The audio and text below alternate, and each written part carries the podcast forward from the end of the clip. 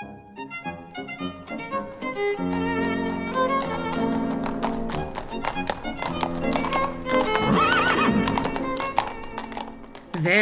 till Hallwylska podden! En podcast som spelas in på Hallwylska museet i Stockholm och där vi utforskar sekelskiftet 1900 i stort och smått med huset på Hamngatan 4 som en språngbräda. Podden leds av mig, jag heter Emelie Höglund och arbetar som intendent här på museet. Rolf de Maré hade en speciell plats i Vilhelminas hjärta. Liksom hon själv var det här barnbarnet en samlare med intresse, inte för gångna tider, utan för det modernas alla konstyttringar, dans, skulptur och måleri. Han har satt sina spår i museisverige som skapare av Dansmuseet i Stockholm och som stordonator till Moderna Museet. Han reste världen över, kände var och varannan inom modernismens avantgarde. Han grundade ett danskompani, ägde flertalet magasin och även en kaffefarm. Han valde att inte dölja sin homosexuella läggning i en tid när detta ännu var olagligt i Sverige. Och på många sätt levde Rolf ett okonventionellt liv och det är om detta vi ska språka samman idag. Med mig har jag intendent Frida Bovallius, välkommen. Tack. Och pedagogen Leif Östman, välkommen. Tack.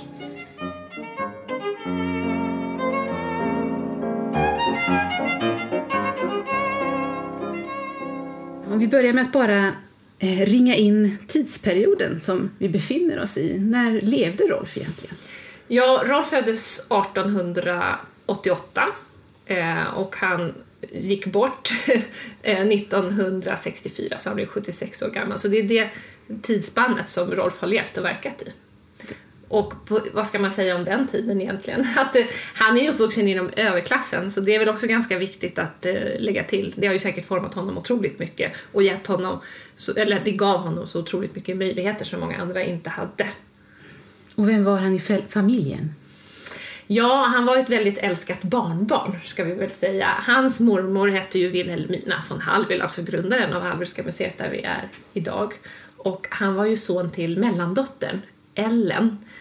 Och eh, eh, Walter och Wilhelmina fick ju inga söner, de fick ju bara döttrar. Och det kan man ju förstå lite grann när man läser till exempel Wilhelminas årsanteckningar, att Rolf var väldigt omtyckt.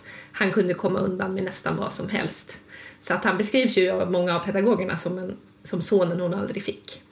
Så att han kände sig nog ganska omtyckt och älskad här i familjen, det tror jag absolut. Han hade nog en, en viktig roll. Han hade en ganska speciell barndom också. Hur såg den ut? Ja, han... ehm, eh, Ja, han, har ju bott, han, han, han bodde ju dels under en period på Villa Björkhagen här utanför Stockholm och sen bodde han ju mycket i Berlin på grund av sin pappas arbete. Pappan hade ju eh, karriär som bland annat eh, militärattaché eh, och så vidare och sen senare i livet också som någon slags eh, kammar... Eh, Hovmarskalk. Förlåt, hovmarskalk, tack. Eh, och sådär. Men så att familjen bodde ju länge i Berlin också. Så att han bodde, han bodde i Berlin och han hade som ung pojke en, eh, någon slags barnflicka, en bonn som det kallas, en, eh, eh som hette Ida Hauptli som jag vet var väldigt omtyckt av hela familjen von Hallwyl som liksom levde med familjen och sådär. Och sen hade han nog en ganska speciell relation med sin mamma Ellen. Eh, Man förstår att de har någon slags, eh, man ska säga vänskapsrelation nästan. Hon, hon beskriver honom någonstans som sin lilla lekkamrat och sådär. Eh, senare när han blir lite äldre, om han är kanske 12-13 år, då kommer det ju in en annan man i hans liv och det är ju hans privatlärare, informator som heter Jonny Rosvall. Och där eh, händer det ju någonting, får man säga, som faktiskt kommer att ha väldigt, liksom, det förändrar hela hans liv och hela hans familjesituation. Och det är ju på grund av att hans mamma blir förälskad i den här privatläraren. Som är 12 år yngre än Ellen. Fattig konststuderande Just det. utan titel. Ja, tillhör tjänstefolket alltså. och hon är överklassdam. Då blir det skandal i societeten. Mm, det får man verkligen säga. Och man förstår att den här Johnny, Johnny Rosvall då, han, han och Rolf verkar ha kommit väldigt bra överens för Johnny var ju inte så gammal egentligen när han kom in i familjen. Han var väl ungefär 20 eller någonting sånt där och Rolf kanske var 13. Så att de var inte så långt ifrån varandra i åldern och jag vet att de skrev mycket brev till varandra och verkar ha varit ganska nära vänner, kanske en ung man som Rolf kunde se upp till. Liksom. Men det där lär ju ha eh, varit väldigt speciellt för Rolf när hans mamma blir förälskad i honom och hans mamma blir ju så fruktansvärt förälskad i den här mannen och han förälskad tillbaka i henne så att hon vill ju faktiskt skilja sig från sin man. Och det var ju absolut inte acceptabelt i den här tiden. Det här är precis i tidiga Um, måste tänka på tiden. Jo, men det är precis i tidigaste 1900-talet, de här första åren på 1900-talet, som det här sker.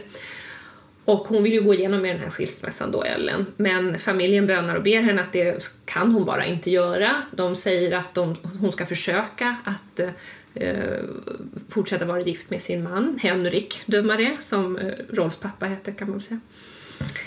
Och eh, de säger att ja, ni behöver ju inte bo ihop, men skiljer inte för guds skull. Man tyckte att det var en otroligt stor skandal och eh, men hon gör ju det här i alla fall. Det tar många år för henne att gå igenom det men hon, hon väljer ju faktiskt att gifta sig med den här mannen också. Och det orsakar ju att, det, att Ellen inte är välkommen i familjen i princip. Hon blir nästan utfrusen, det blir stor bråk mellan, de, mellan syskonen. Ellen har ju två systrar som tar olika parti.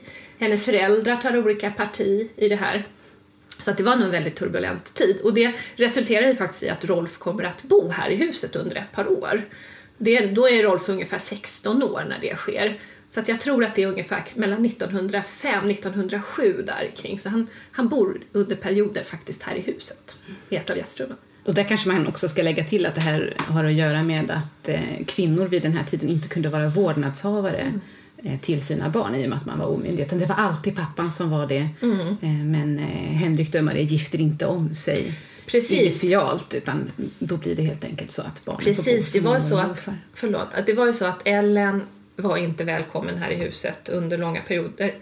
Men eh, Rolfs pappa Henrik var ju välkommen här och man kan tolka det som att familjen väldigt tydligt också ville visa det, alltså utåt, hur de tog ställning.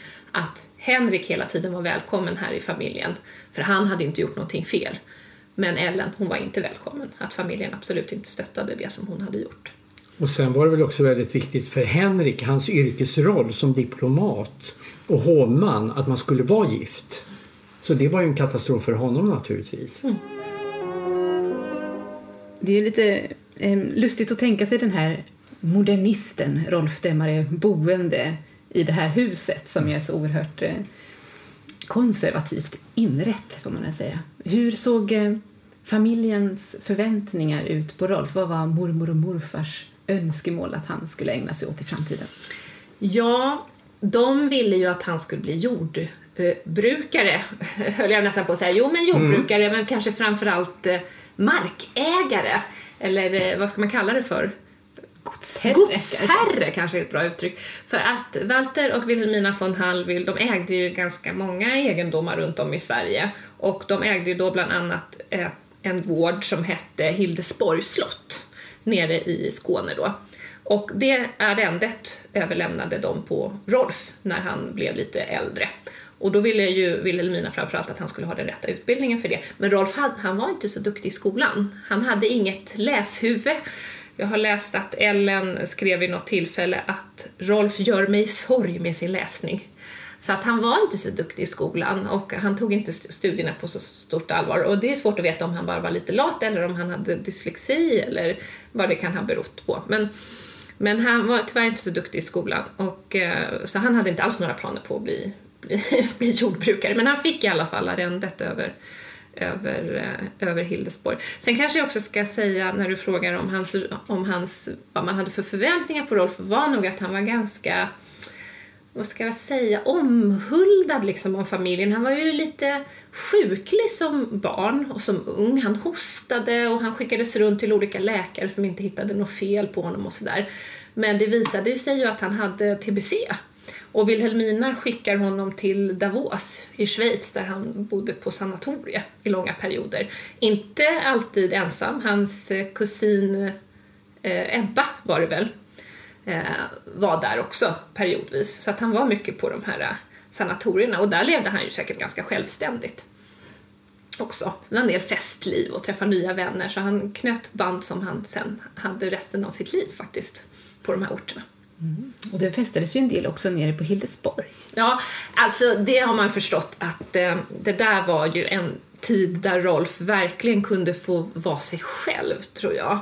För att dels så, vad ska man säga, där, när han får ta över det här ärendet, då har ju han liksom blivit vuxen.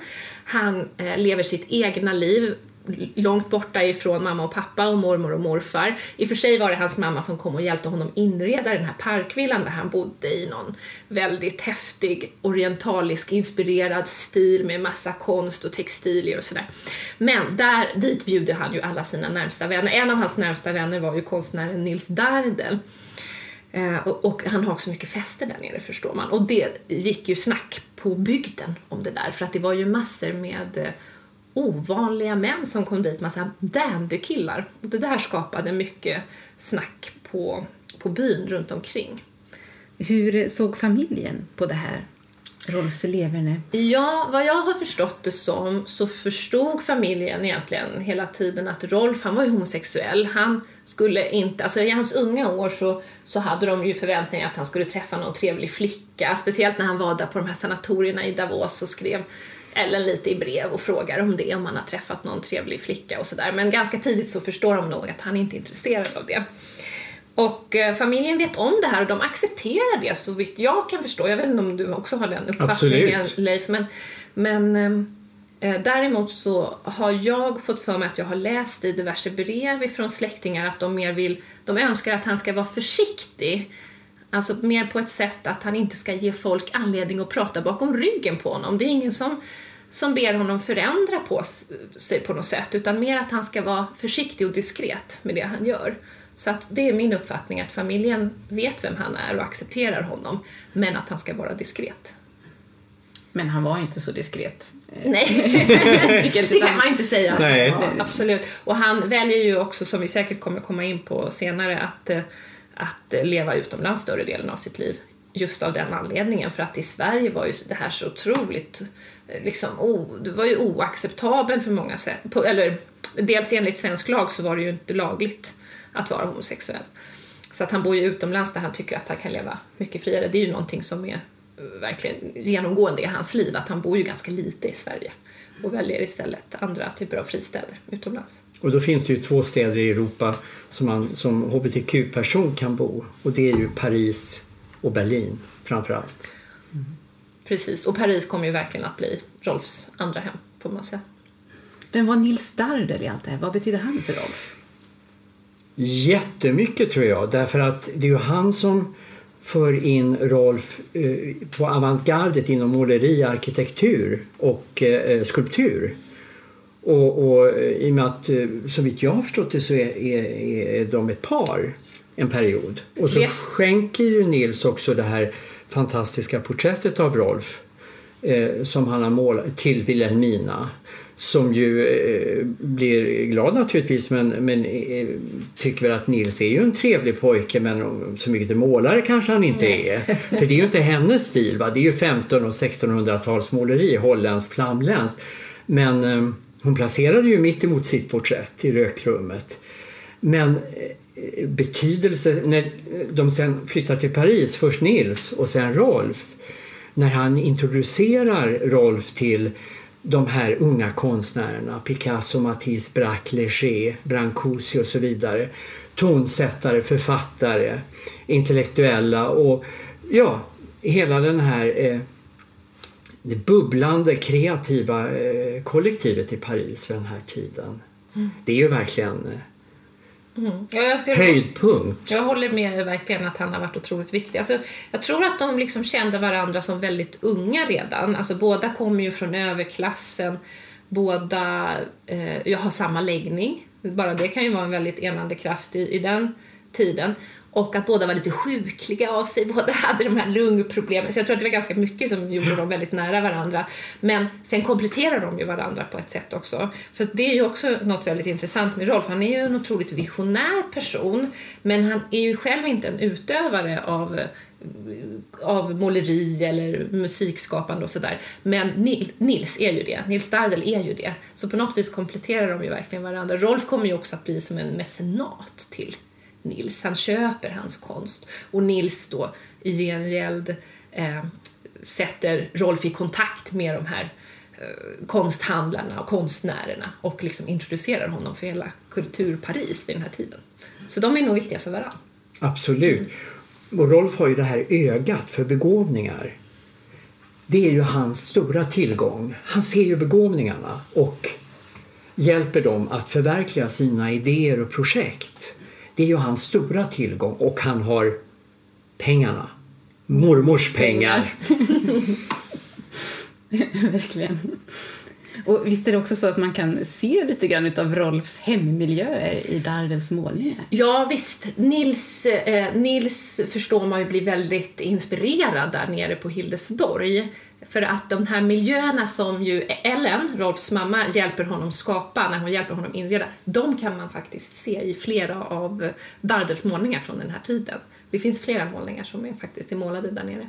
Så att man förstår att det kanske var en väldigt inspirerande miljö för Nils. Och sen dessutom reser de ju väldigt mycket. Det är ju någonting som faktiskt Rolf ser till att Rolf och Nils reser utomlands tillsammans. Eh, Rolf älskar ju att resa och det gör han ju redan som, som ung pojke tillsammans med sina föräldrar och senare med, bara med pappan. Eh, Mormor och morfar reser ju mycket. Han får det ju i blodet mer eller mindre. De reser ju i hela Europa Mm. och, och Nordafrika och Mellanöstern. Aldrig Asien men och det är ju långa resor som jag har förstått. Som, Mm. Ja men alltså man får säga att Rolf levde ju verkligen Är han med på några av de här som mormor och morfar, Nej. de resorna? Han är aldrig det va? Nej, inte tillsammans med mormor och morfar, men Nej. han reste ju med, med sina Mamma och föräldrar och så vidare och senare i livet själv. Men det är något som han gör egentligen genom hela livet. Han älskar ju att resa och han tar också med sig folk på resor, sina vänner, sina pojkvänner och så vidare på resa. Så han tar ju med Nils också på inspirationsresa. Jag tror att de är i, i Nordafrika och tillsammans Algeriet och sådär. Och USA. USA. Mm. Och när de då tycker att de ska åka hem så vill de inte åka samma väg tillbaka utan då tar de båt till Japan och, och så är man i Asien och så gör han ju sina stora inköp också under de här resorna. Som ju finns i Dansmuseets samlingar. Fantastiska eh, inköp. Det går ju lårar till Stockholm och Paris med de här konstinköpen. Och så filmar han ju och dokumenterar gamla eh, dansritualer och så vidare och eh, är en fantastisk fotograf, stillbildsfotograf också. Och där har ju Dansmuseet stora samlingar. Oskattbara idag när många av de här eh, kulturerna är utdöda. Absolut.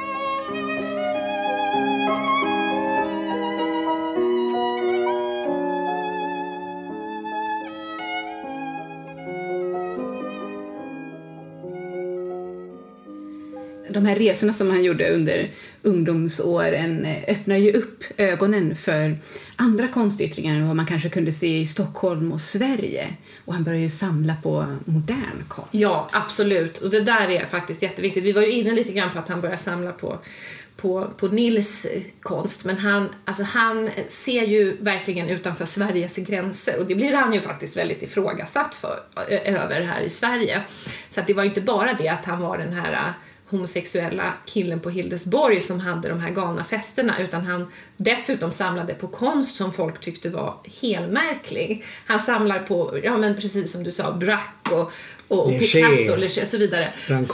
Konst som folk Ja. tyckte var vansinnig i den här tiden. Folk tyckte ju att man var galen som kunde lägga så mycket pengar på den här konsten. Men Rolf han, han levde ju liksom så otroligt mycket utanför Sveriges gränser så att han han, precis som du säger, han var ju så otroligt mottaglig för alla andra nya typer av konstinriktningar. Eh, och det är också det som gjorde att han var så visionär, tror jag. Han var en otroligt öppen person. Eh, och det är det som också är förutsättningen för alla hans senare skapelser, som till exempel Svenska Balletten och eh, Dansmuseet. Och de skrev ju i i Stockholmspressen apkonsten som hänger på Dömares väggar. Man förstod inte den här lilla ankdammen i Stockholm. När han prydde våningen eh, Karlaplan med, med de här modernisterna. Mm. Han verkar ju själv ha haft ett ganska avslappnat förhållande till modern konst. Du berättade för mig, Frida, om eh, en mycket känd skulptur som han använde som en brevpress. Ja, och det här är ju betydligt senare i, i Rolfs liv, får man säga. men han var ju konstsamlare i, i hela sitt liv och han lyckas ju köpa ett konstverk av den väldigt kända eh, konstnären Brancusi Konstantin Brancusi. Och den kallas lite skämtsamt eh, för Ägget i Sverige, men den heter ju egentligen Den nyfödde. Och eh, den köper han och han använder den tydligen då som brevpress hemma. Men sen många år senare så skulle han ju sälja den där. Han ställde ut den på något galleri här i Stockholm och eh, eh ville, eh, ville sälja den och då blev det väldigt intressant för eh, Sveriges museer då som så gärna ville ha en Brancusi. Så att Moderna Museet ville ju köpa den men Rolf hade fått ett mycket högre bud av någon eh, köpare utomlands. Men, ja, men till slut så, så lyckades ju Moderna Museet skramla ihop de här pengarna med hjälp av sin vänförening och Carina Och Carina Ari, ja, hans gamla dansös ja. från Ballet Suédoise som att, hade blivit rik. Ja, precis. Så att Moderna Museet lyckades ju faktiskt uh, köpa in den så att den finns ju i deras samlingar idag. Men man kan säga att Rolf var ju den som faktiskt förde in den till Sverige. Nu har vi redan ett par gånger nämnt Svenska balletten. Men vad var det för något? Ballet Suédoise, mm. som det hette. Rolf köper den här fina Art Nouveau-teatern, eh, Théâtre de Champs-Élysées på Avenue Montaigne i Paris. Den finns fortfarande där man eh, fortfarande dansar och, och har operaföreställningar och konserter. Och eh, han engagerar de unga dansarna från Kungliga Balletten. Och ger Stockholm. Dem, I Stockholm. Därför att hans nya pojkvän Jean Berlin eh, han har sett pot eh, potentialen, som, han har ju det här ögat för begåvningar hos människor. Att, eh, han är ju dansare men han ser också hans koreografiska begåvning. Så han bestämmer att nu ska vi skapa ett avantgarde-kompani för att Kungliga Baletten här i Stockholm är mossigt, gammalmodigt. Eh, vi ska till Paris, det är öppet, det är fritt, det är kreativt och köper den här fantastiska teatern och har alltså en orkester, jag menar eh, teknisk personal, allt det är ju ett företag.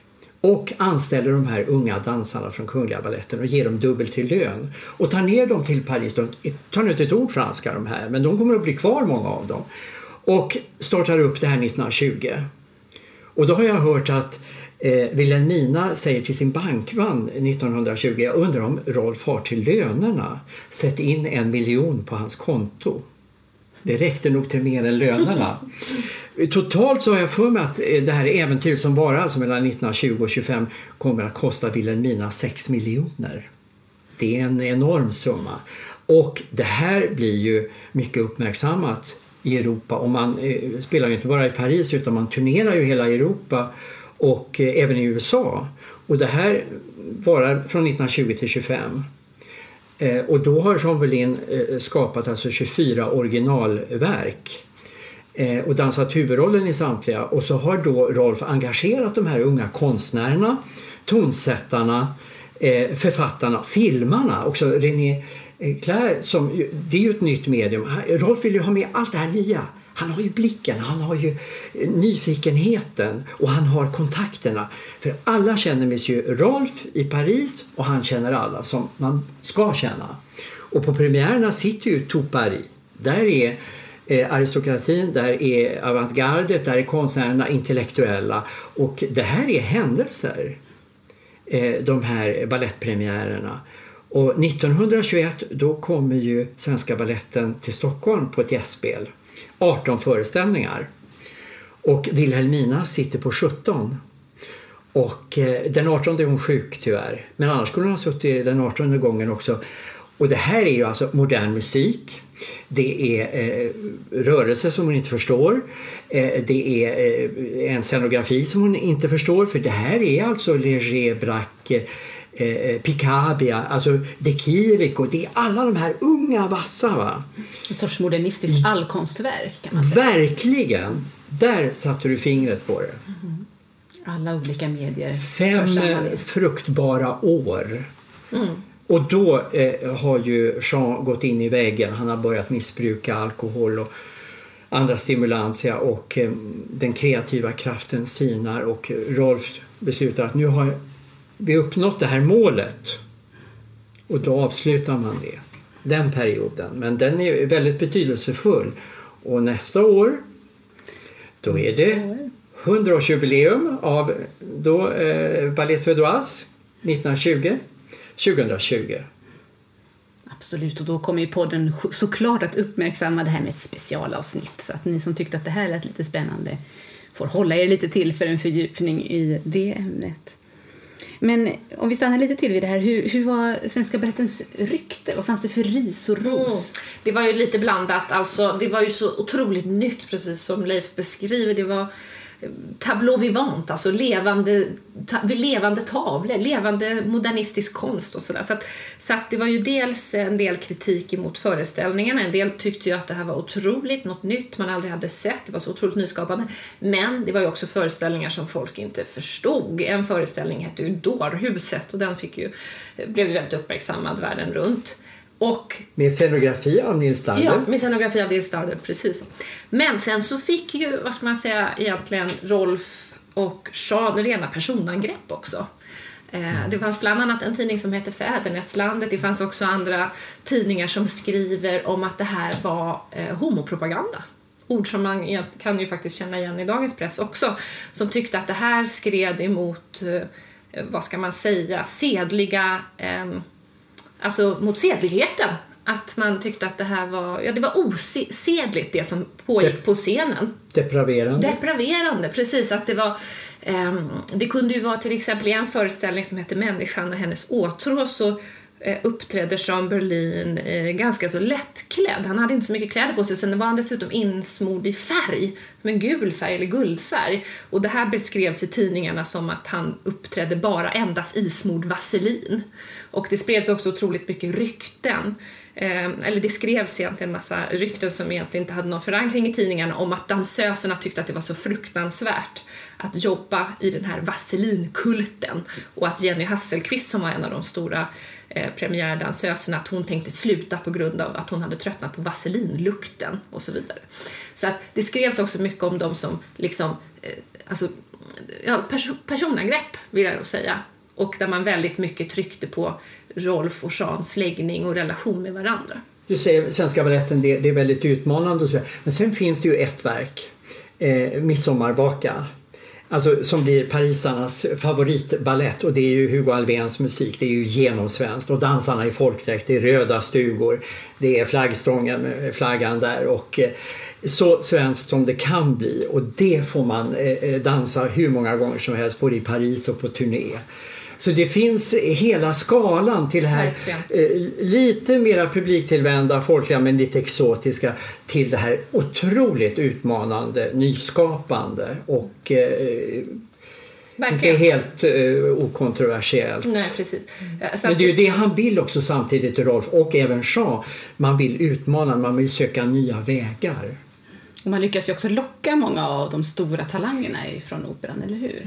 Precis, och det gjorde ju faktiskt också att Rolf gjorde sig ju inte så populär här i Stockholm när han väl drar igång den här balletten. För att det var, det, alltså operan här i Sverige, operan här i Stockholm vid den här tiden, det var nog inte så spännande om man var dansare. Man fick inte göra några eh, spännande föreställningar, man kanske mer gjorde inhopp i operor. Så att, eh, att få den här chansen att få följa med Rolf till Paris eh, det var nog ganska lätt att tacka ja till det. Det var ju världens äventyr och dessutom fick man äntligen, eh, vad ska man säga, uppfylla sin talang eller upp, vad, vad ska jag försöka säga? Att man, söka nya vägar ja, sökte, konstnärligt, alltså ut, ja, konstnärliga utmaningar. Ja precis och ja. sen att man liksom fick eh, upp, vad säger man?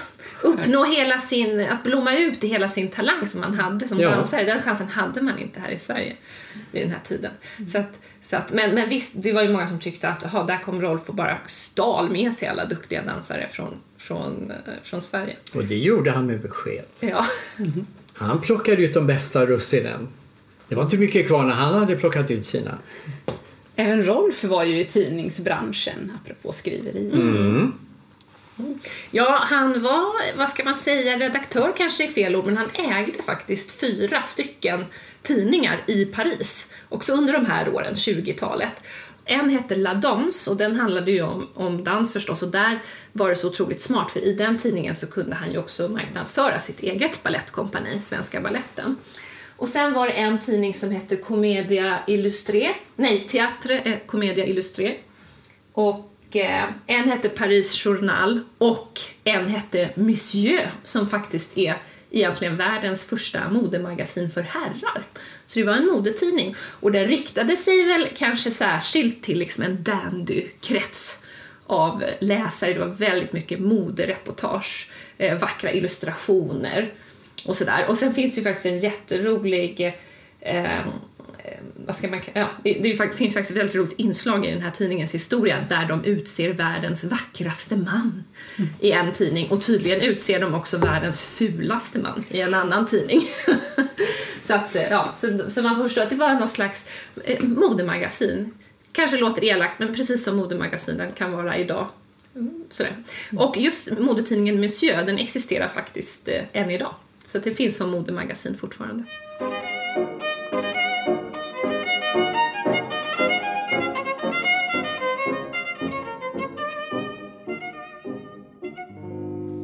efter den här, eh, det här stora kapitlet med Ballet Suédois och den här tidningsmannen Rolf så startas ett nytt kapitel med Music Hall.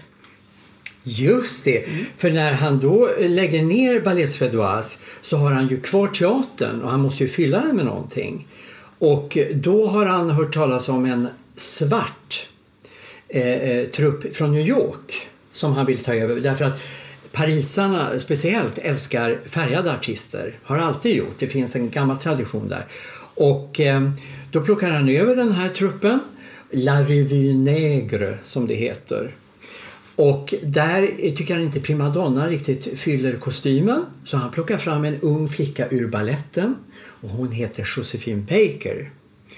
Och där börjar hennes världskarriär. Hon tackade hela livet Monsieur Rolf för det var han som upptäckte mig och som startade min karriär. Och hon blir då världsberömd och får en lång fruktbar karriär. Men han är, alltså, där ser man än en gång det här ö- säkra ögat som Rolf har.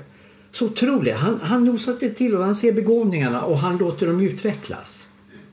Och han stöttar dem hela tiden. Den här vurmen för svarta musiker och dansare tycker jag kanske kan sägas gå igen också inom konstens riktigt. Plötsligt blir, blir, finns det ett annat intresse också för svart konst. Om man tittar på dels samlandet av konst så var ju det någonting som konstsamlare var väldigt intresserade av. Alltså dels afrikansk konst men också afrikanska alltså föremål, masker, kostymer och sådär.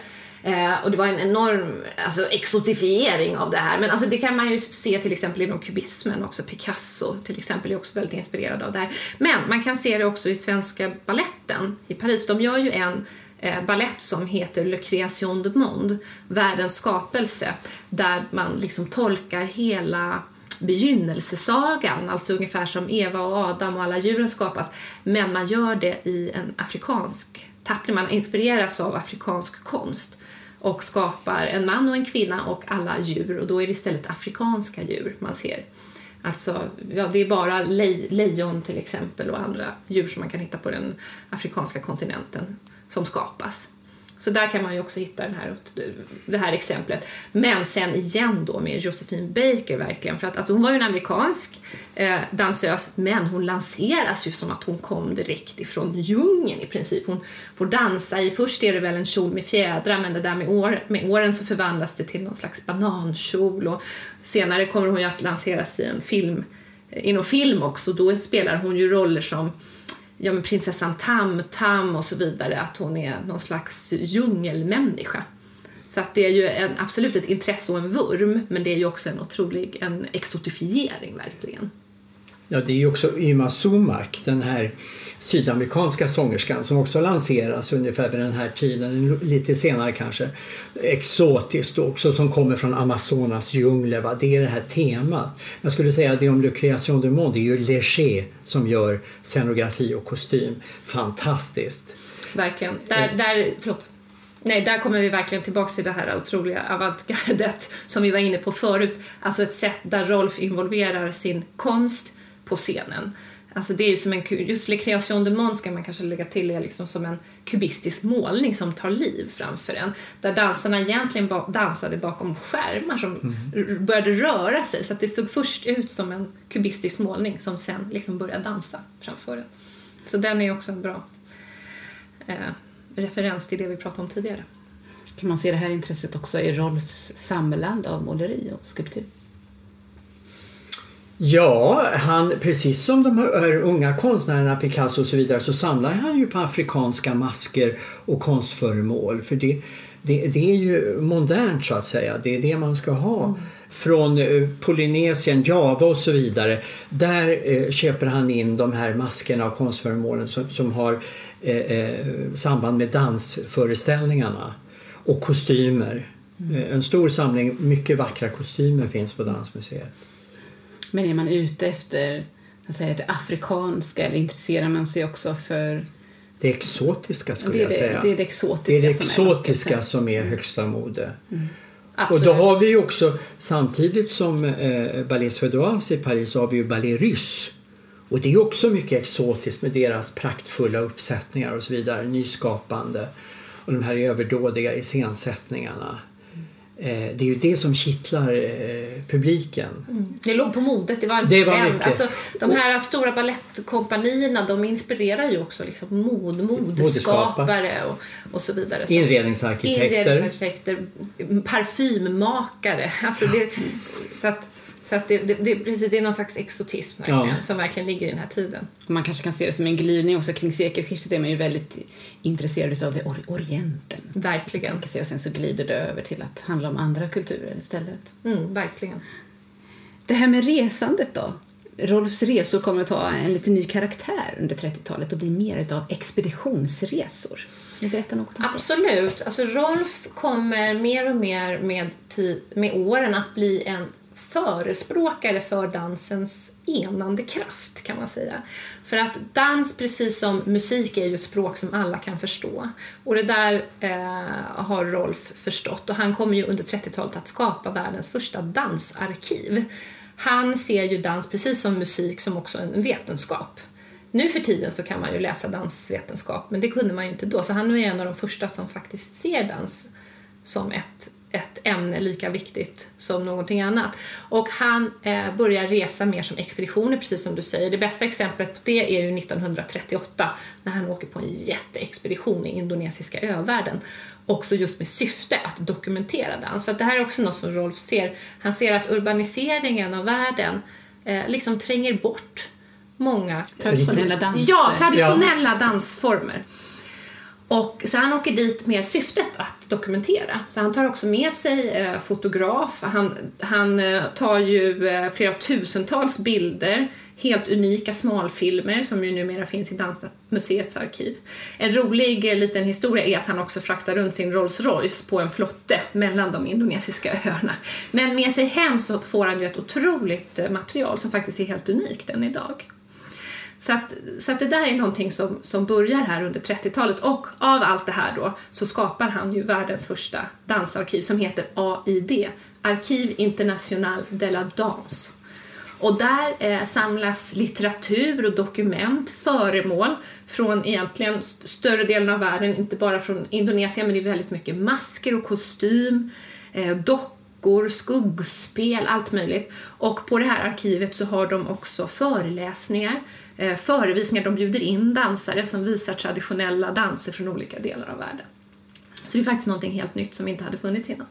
Och som fortfarande känns ganska modernt ur, ur museers perspektiv. Det här med att framvisa det immateriella kulturarvet som vi pratar om så mycket idag i branschen. så att säga. Det som inte är knutet till föremål precis, utan det som framförs.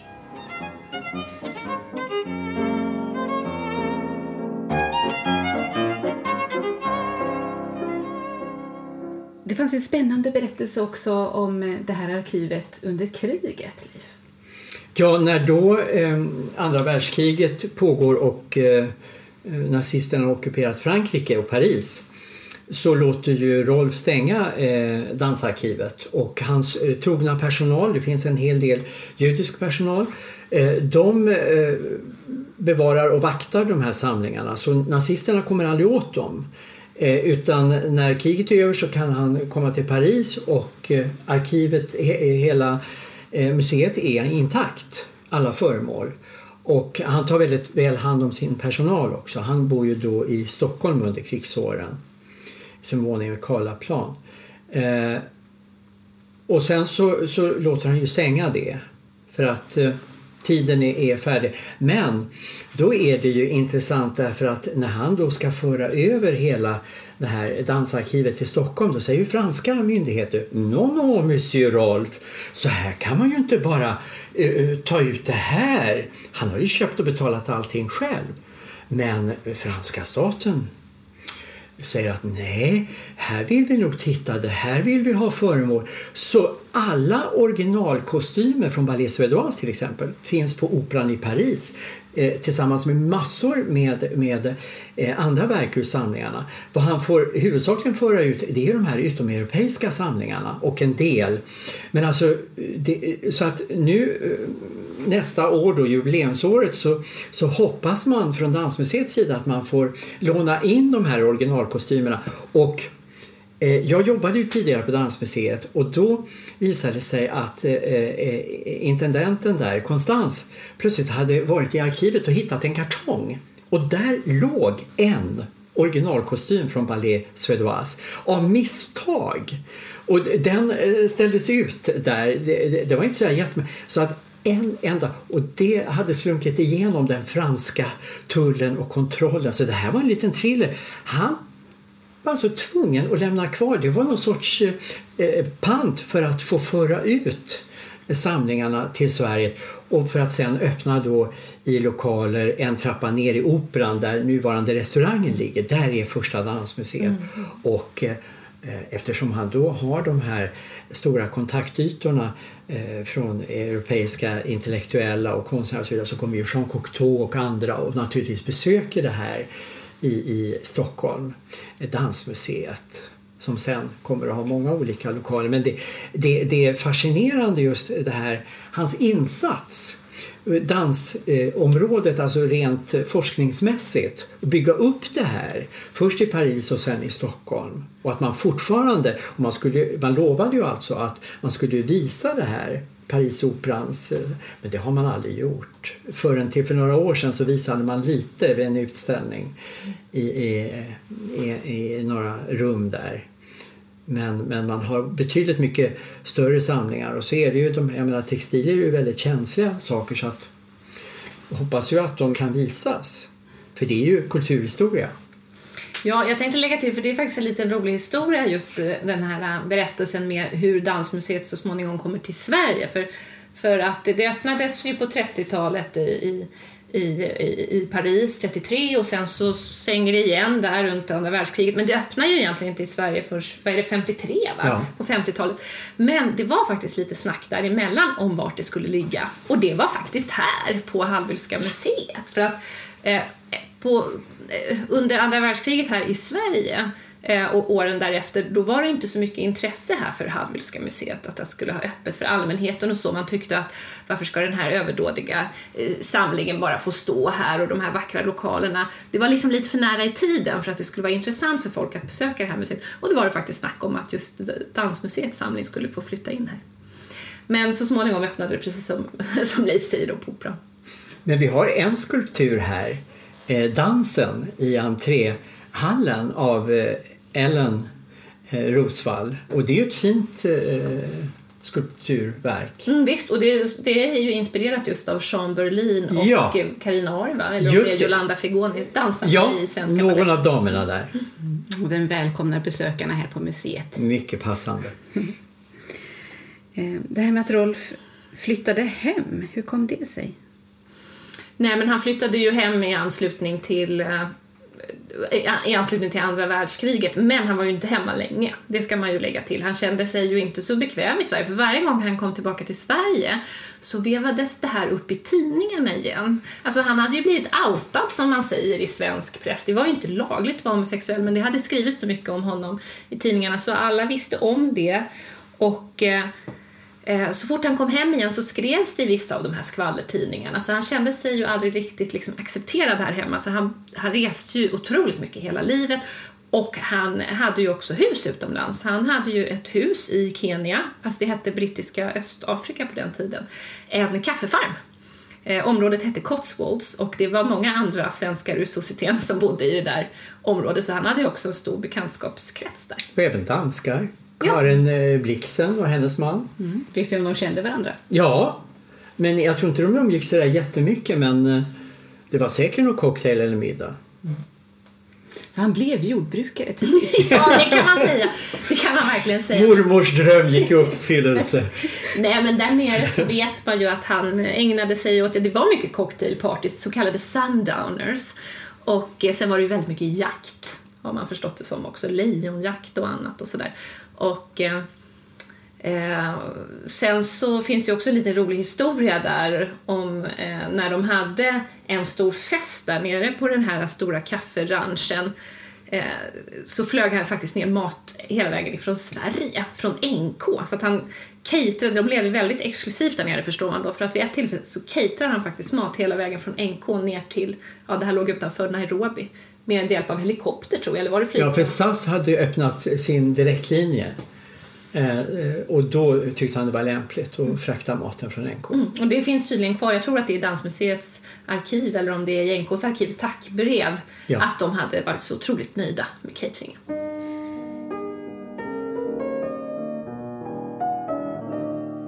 Förutom att då grunda det här dansarkivet som senare blev Dansmuseet så donerade ju Rolf också stora samlingar till bland annat Moderna Museet. Precis, eh, nästan hela Moderna Museets samling av eh, Nils Stardelverk till exempel är det ju Rolf som har donerat och han har donerat mycket mera konst både till Moderna Museet och till eh, Nationalmuseet. Och sen fanns det en också fantastisk Picasso-målning som han ägde. Som, som han säljer, han skänker inte till Moderna och den är en av Metropolitan Museets dyrgripar idag i New York. Det är en fabulös och den har ingått i hans samling. Alltså, och det visar ju på eh, konnässören Rolf Dömare. Han eh, plockar ut de här, alltså bland de bästa verken, eh, Leger och andra eh, på Moderna Museet, det är donation från Rolf Dömare. Det är en otrolig insats han gjort, precis som Wilhelmina. Han ger tillbaka. Fick han något erkännande för detta? Ja, både ja och nej ska man säga. För att han har ju eh, tilldelats, eh, nu kommer jag inte ihåg vad det heter, men han har ju tilldelats någon slags teaterpris eh, och sådär eh, för sina insatser med Svenska Baletten och Dansmuseet. Men just vad gällde konsten så kan jag i alla fall berätta om ett tillfälle där han skulle donera konst till Nationalmuseet. Och där till och med så efterfrågade han innan att ja, jag vill gärna donera, men då vill jag ha ett erkännande för det, för att det var brukligt. Man brukar oftast tilldela någon slags orden eller så vidare. Och eh, det finns alltså dokumenterat att han blev lovad detta, att ja, absolut, det ska du få. Och sen så gick den här donationen igenom, men efteråt så fick han inte den här orden. Och det var troligtvis på grund av det ryktet Rolf hade, alltså eh, om hans läggning faktiskt. Så att, Absolut. så att han blev faktiskt väldigt hårt drabbad av det där hela sitt liv. Att inte, och det var ju också, tror, tror man ju definitivt, en av anledningarna till att han aldrig riktigt känner sig hemma. Han är, känner sig aldrig riktigt accepterad här i Sverige. Det är därför han lever så mycket utomlands. Finns det några belägg just för att det är det här som är i grunden till det? Eh, Ah, Svårt att säga. Just den här, i och med den här stora konstdonationen så hade han ju förväntat sig en kunglig orden. Det var brukligt att man fick det men som du sa, det, det, där, Jag vet inte hur man ska tolka det annars till varför det, uteblevs. Alltså det finns, Nej, det det var- finns tydligen skrifter. Just nu så använder jag mig av eh, Erik Näslunds bok om Rolf de Maria. Erik Näslund som var chef på Dansmuseet eh, i, i, i många år och också chef över mig och Leif. För vi båda Ja. har faktiskt jobbat på Dansmuseet. och har gjort en fin bok också om Nils Dardel. Ja, precis. Så att, och, och, och där så beskrivs det i alla fall på det sättet att han lovades den här orden och han fick den inte efteråt. Och jag vet inte hur man kan tolka det på, på annat sätt än, att det var att det handlade om hans, om hans rykte. Ja, det var hans homosexualitet som stod i vägen där. Alltså det var det pryda eh, samhällets svar. Varför skulle han ha någon liten orden? Han var ju redan så eh, välkänd i de kretsar som räknas. Men han, på ett sätt så kan jag förstå det där för att eh, han, ha- han har ju uträttat så otroligt mycket men han är ändå inte känd inom svensk kulturhistoria för allmänheten. Och kanske så var det där ett slags eh, en, vad ska man säga, nagel i ögat att man aldrig riktigt erkändes här hemma för det som man faktiskt har uträttat under hela sitt liv. Och att han tyckte väl ändå att det kan väl vara det minsta som man kan begära. Mm, ett spännande liv med många faser som säger väldigt mycket om sin tid också, får man ändå säga. Och med det så rundar vi av det här avsnittet för den här gången. Eh, men som sagt så kommer det ju fler avsnitt eh, på det här temat. Jag vågar lova om Svenska balletten. Vi hoppas att kunna gräva ut fler teman ur det här ämnet. Tack så mycket för att ni har lyssnat till oss och tack Frida. Tack. Tack Leif för att ni ville komma hit och dela med er.